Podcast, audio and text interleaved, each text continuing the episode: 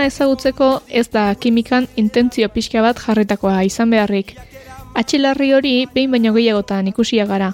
Bote prontoan ura izan daiteke adibide garbia. H2O.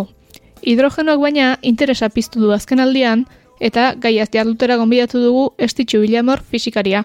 Ongi etorri estitxu. Kaixo. Konta iguzu, ea, hidrogenoak, e, hidrogeno eta hidrogeno diatomikoaren arteko aldea zein den?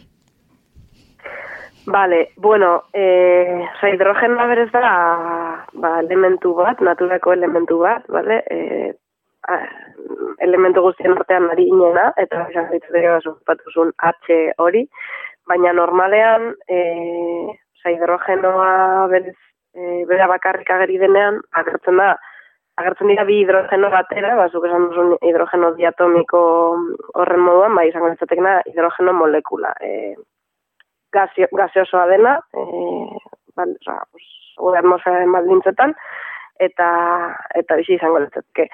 Kontua da, igual, hidrogeno eta hidrogeno diatomikoaren ezberdintasuna baino garrantzitsuagoa, pues, normalean hidrogenoa bera nola gari den naturan, ez? Ze, em, esaten da, oza, orain nahi beste interesari dela pizten kontu energetikoen gaitik eta horrela, ba, esaten da hidrogena dela naturako elementu ugarinetariko bat, eta, bueno, ala da, baina kontua da normalan ez dela geri, e, bera karrik, oza, ez dela geri molekula diatomiko honen moduan, baizik eta geri dela, ba, beste komposatu batzuetan, ba, adibidez uretan, atebio, edo adibidez hidrokarburoetan, bueno, hidrokarburoak edo erregai fosilak e, gauza bera da, azkenan direna ba, karbono eta hidrogeno kateak, ez, pues simplena igual metanoa izango litzateke, CH lau, eta, bueno, beste batzuk, pues, hainbat karbono eta hainbat hidrogeno daudela, batera, orduan hori kontua da gertzen dela beti, ba, beste elementu batzuekin batera e, molekuletan, oza, hidrogenoa bera bakarrik topatzea oso zaila da.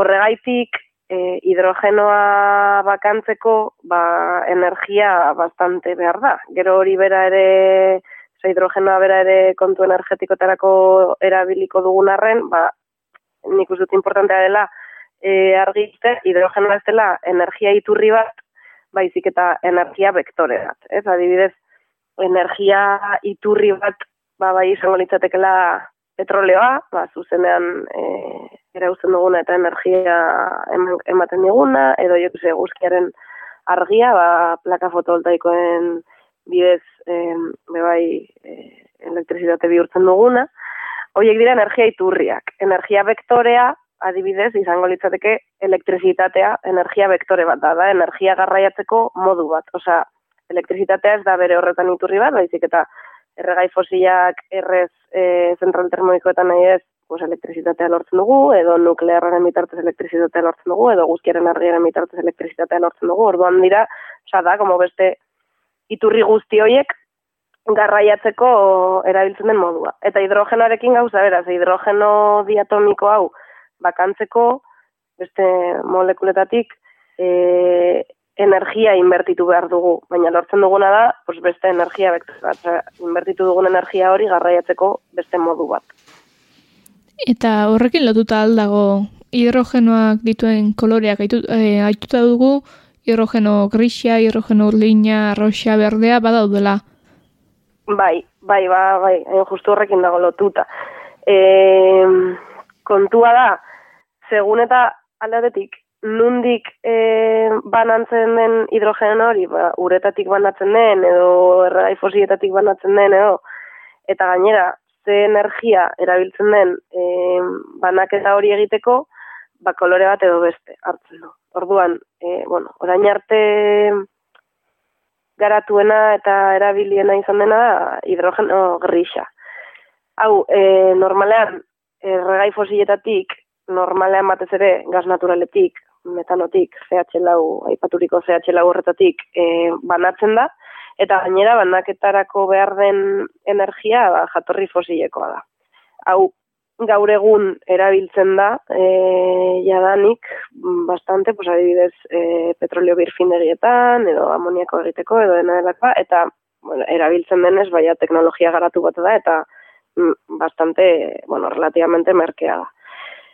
Grixaren prozesu berdin egin genu, baina, bueno, prozesuan sortzen den e, CO2 edo prozesuan sortzen diren negutegi efektuko gazak biltegiratuko bagenitu, ba orduan hidrogeno urdina litzateke. Baina, bueno, mm, karbonoa biltegiratzeko teknologiak gaur egun, ba ez dira batere, helduak ez daude batere garatuak, orduan praktikamente urdina ez desistitzen.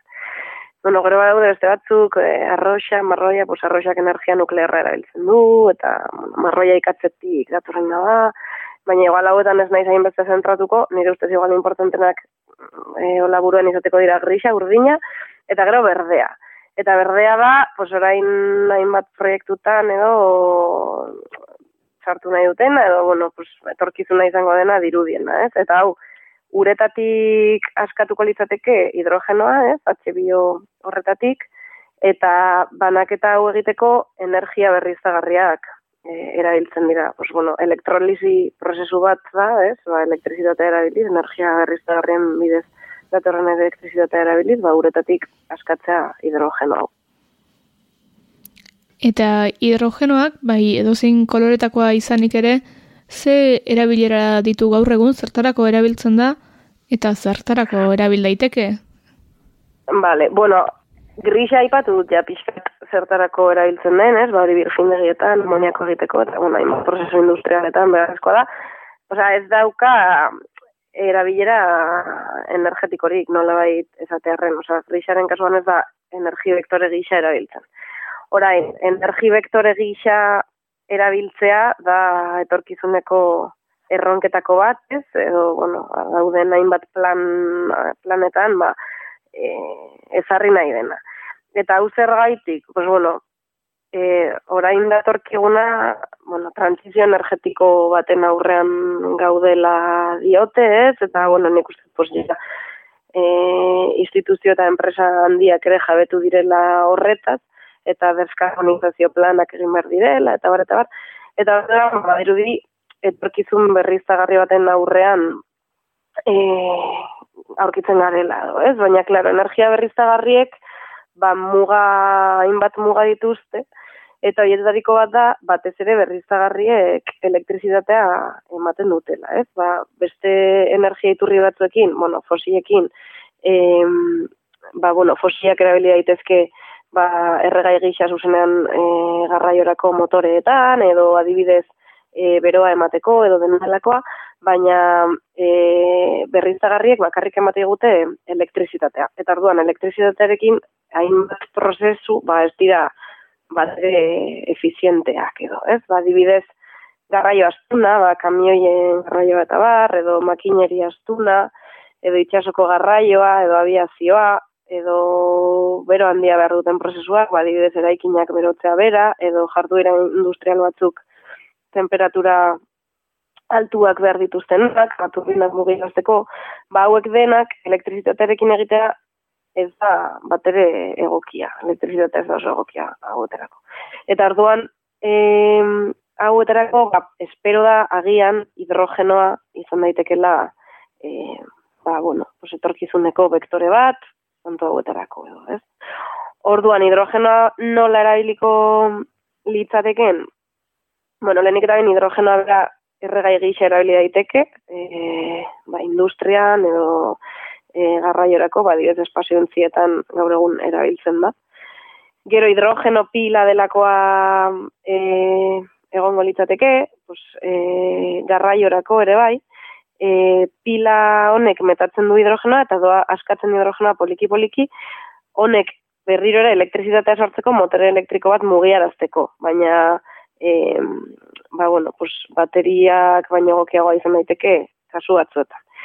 Eta gero beste kontu bat, pues beste plan bat oraindik ere airean dagoena, baina izango litzateke erregai sintetikoak egitea. Osea, erregai fosilak, baina baina sintetikoak.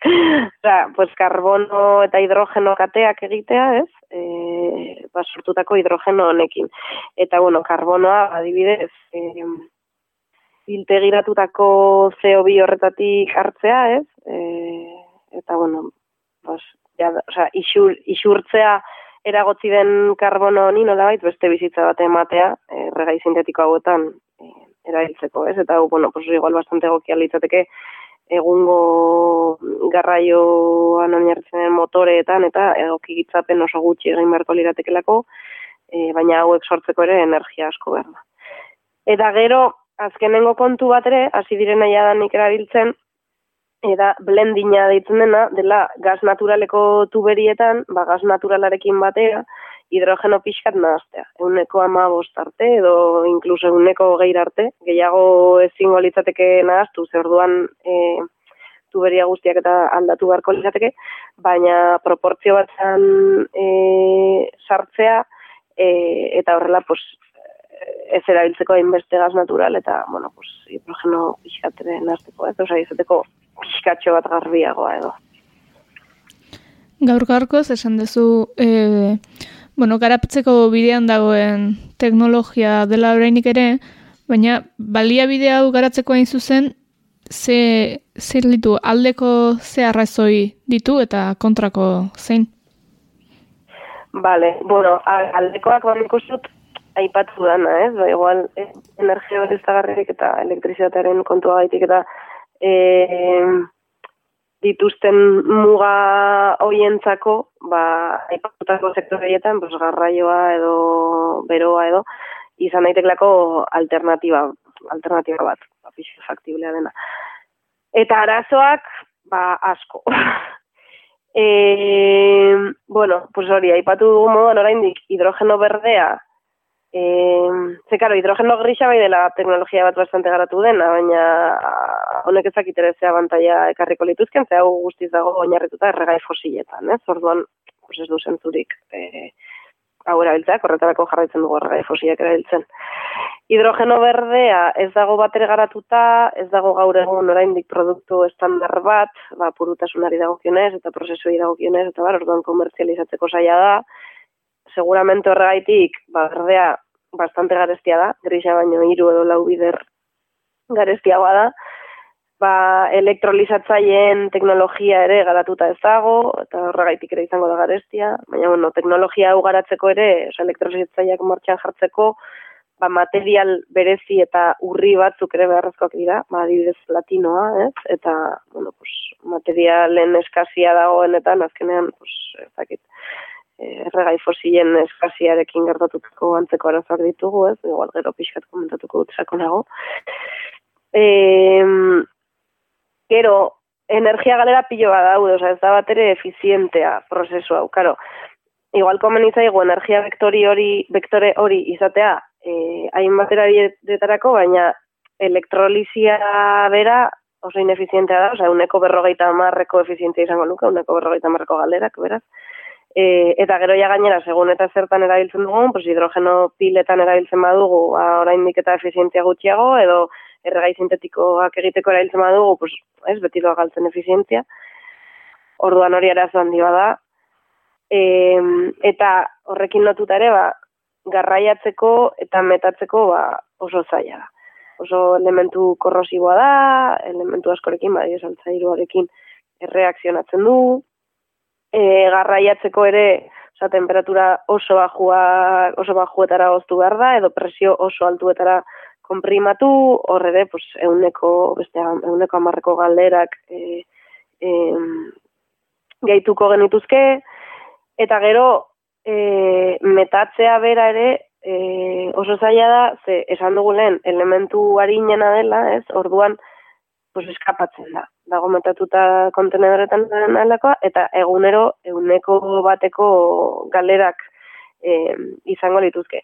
Orduan, ere askotan aipatzen da e, hidrogenoa energia berriztagarrien intermitentziei soluzio bat emateko moduan, ez? Bai, jo, adibidez, udan energia berriztagarriekin soberakin pilo bat baldin badaude, ba, sortzea hidrogenoa eta metatzea eta pues, energia gutxiago dagonean erabilia izateko, baina Claro, eh, ez da posible ez udan sortutakoa negur arte metatzea, ze egunero doa altzen, ez? Orduan, pues, prozesu guztian zehar, sorreratik eh, metatzea garraiatzen no sé pues, aipaturiko eguneko berrogemarreko efizientia hori, pues, hori kasurik onenean izango zaiteke, baina incluso jaitzi daiteke eguneko gehi, eguneko amarreko efizientia bat izatea, ez?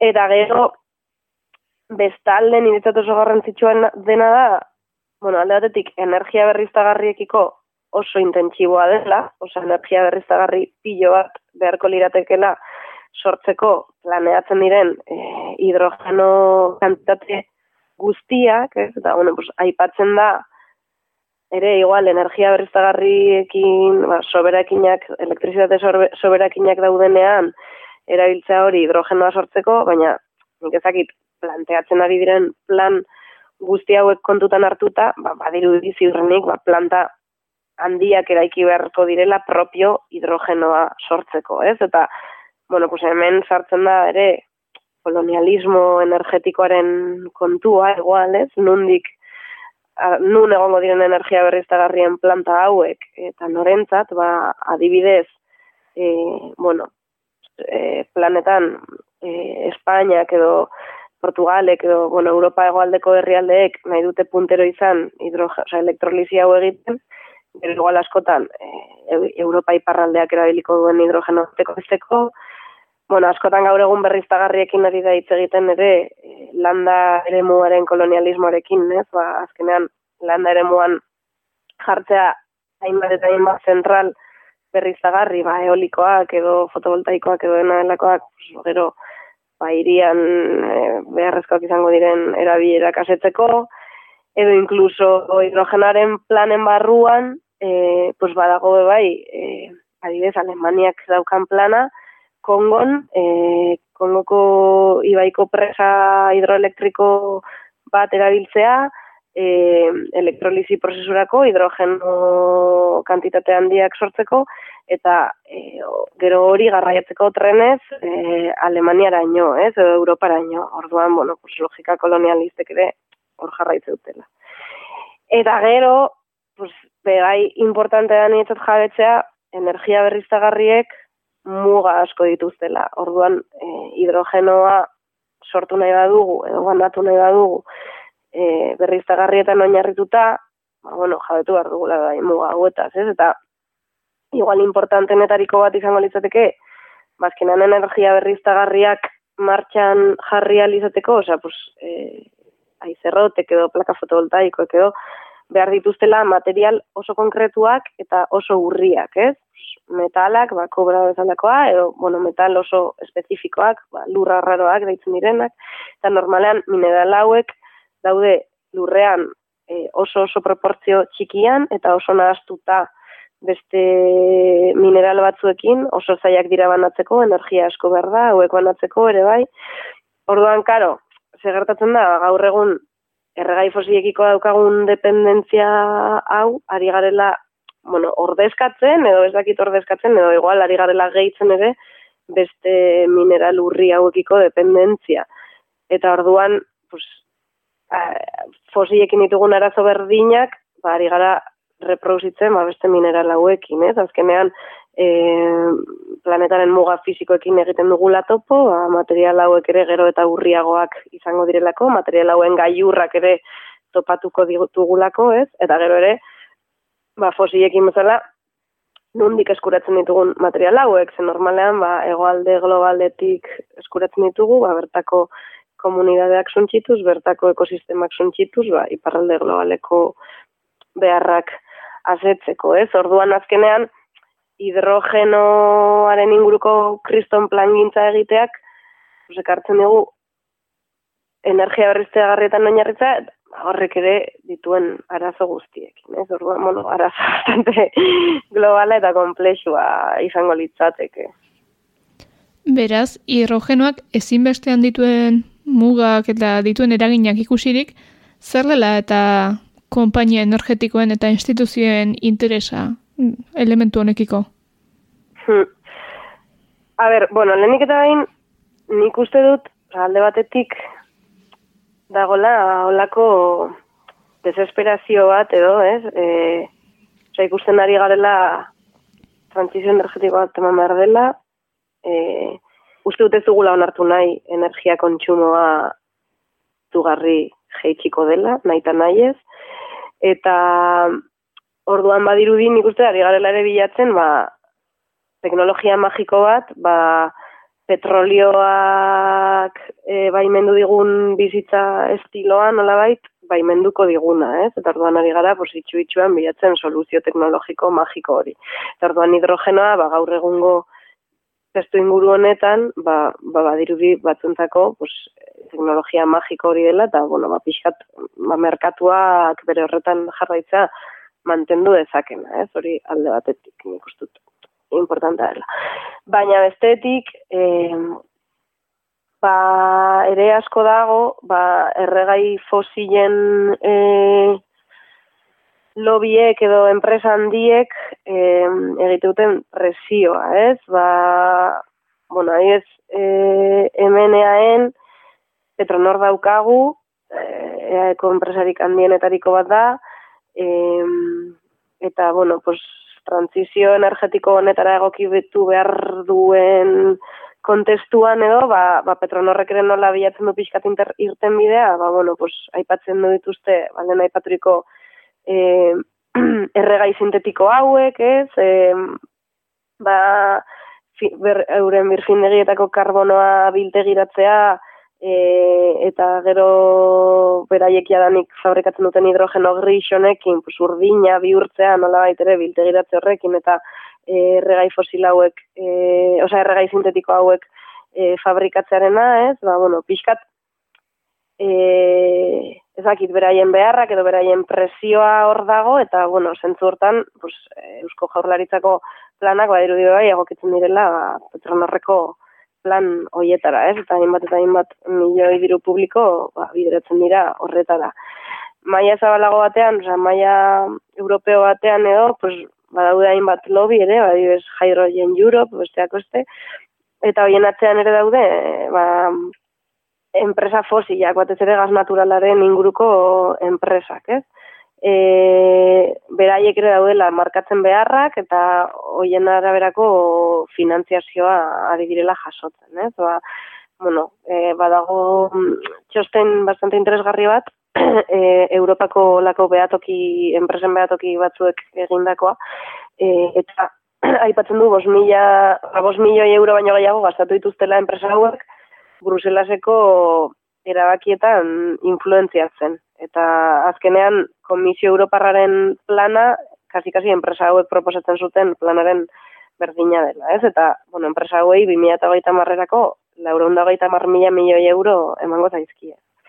Eh, bueno, pues que sé, enpresa hauek ere bait, ba, hidrogenoarekiko behar bat sortzen dute, ez? Ba, ba batean badiru dela beharrezkoa dugun energia vektore bat, teknologia bat, eta alde ba, urdina, hidrogeno urdina justifikatzen da transizio giza, ez? Naiz eta idealena berde hori izango litzateke, baina, bueno, ba, gaur egun ja, nik ja, grisa oso teknologia aurreratu denez, pues, bueno, pues, guazen urdinean inbertitzela, eta eta alde batetik horrela, ba, gaz naturalarekiko behar hori ba, luzatuko dugu.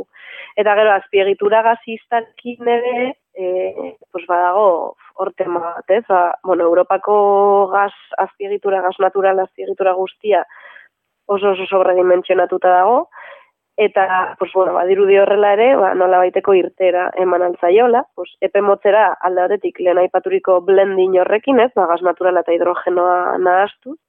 Eta gero, pues epe luzera ere zelako negozioa izango litzateken, ba dauden azpiegitura guztiak hidrogenoa erabilia izateko egokitzea, ez? E, bueno, pues kriston aukera ere merkatu eta bastante fama, o sea, bastante ezaguna gaur egun hidrogen backbone edo hidrogenaren bizkarrezurra izeneko proiektua, Europa mailan e, olako kriston interkonexio bat hidrogenoa garraiatzeko eta honen adira adibidez, pues bere garaian baztertu ziren gas infrastruktura proiektu zaharrak, pues eh nolabait gas naturalarekin ja etorkizunik ez dagoelako edo, e, ari dira berpizten. Ba, jo, kese, adibidez, e, bere garaian mizkat e, gasoduktoa, ba, Frantzia, Espainia eta Portugal lotuko zituena, ba, ba gaur egun badirudi hidrogenaren kontuenekin, ba, ba, bueno, ba, berriro bideragarria izan daitekela, ez?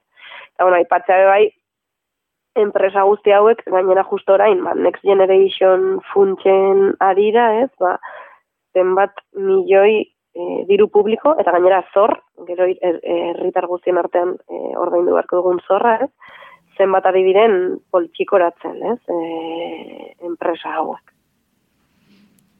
Estitxo, aipatu duzu erabili ahal izatea, eta hortarako egin behar diren egokitzapenak, eta erabili ahal izatea gauza bada, baina adituek diote energia berriztarriak batetik, baita hidrogenoa ere, ez dugula horien bidez erregai fosilekin ezagutu dugun oparotasun energetikorik izango, eta aldi berean, energia trantsizio baten premia zitze egiten da, bi horiek ez aldute talka egiten.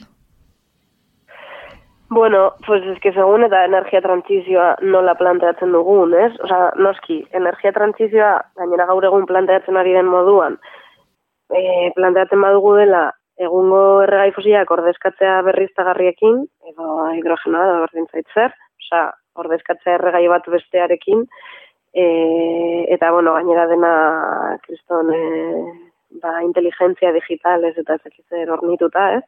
Ba, bueno, argi dago hori zuk aipatu bezala, ba, ezin dela. Nire ustez, oza, transiz energetiko bat eman, emango da, oza, aldaketa handi bat emango da maila energetikoan, ez?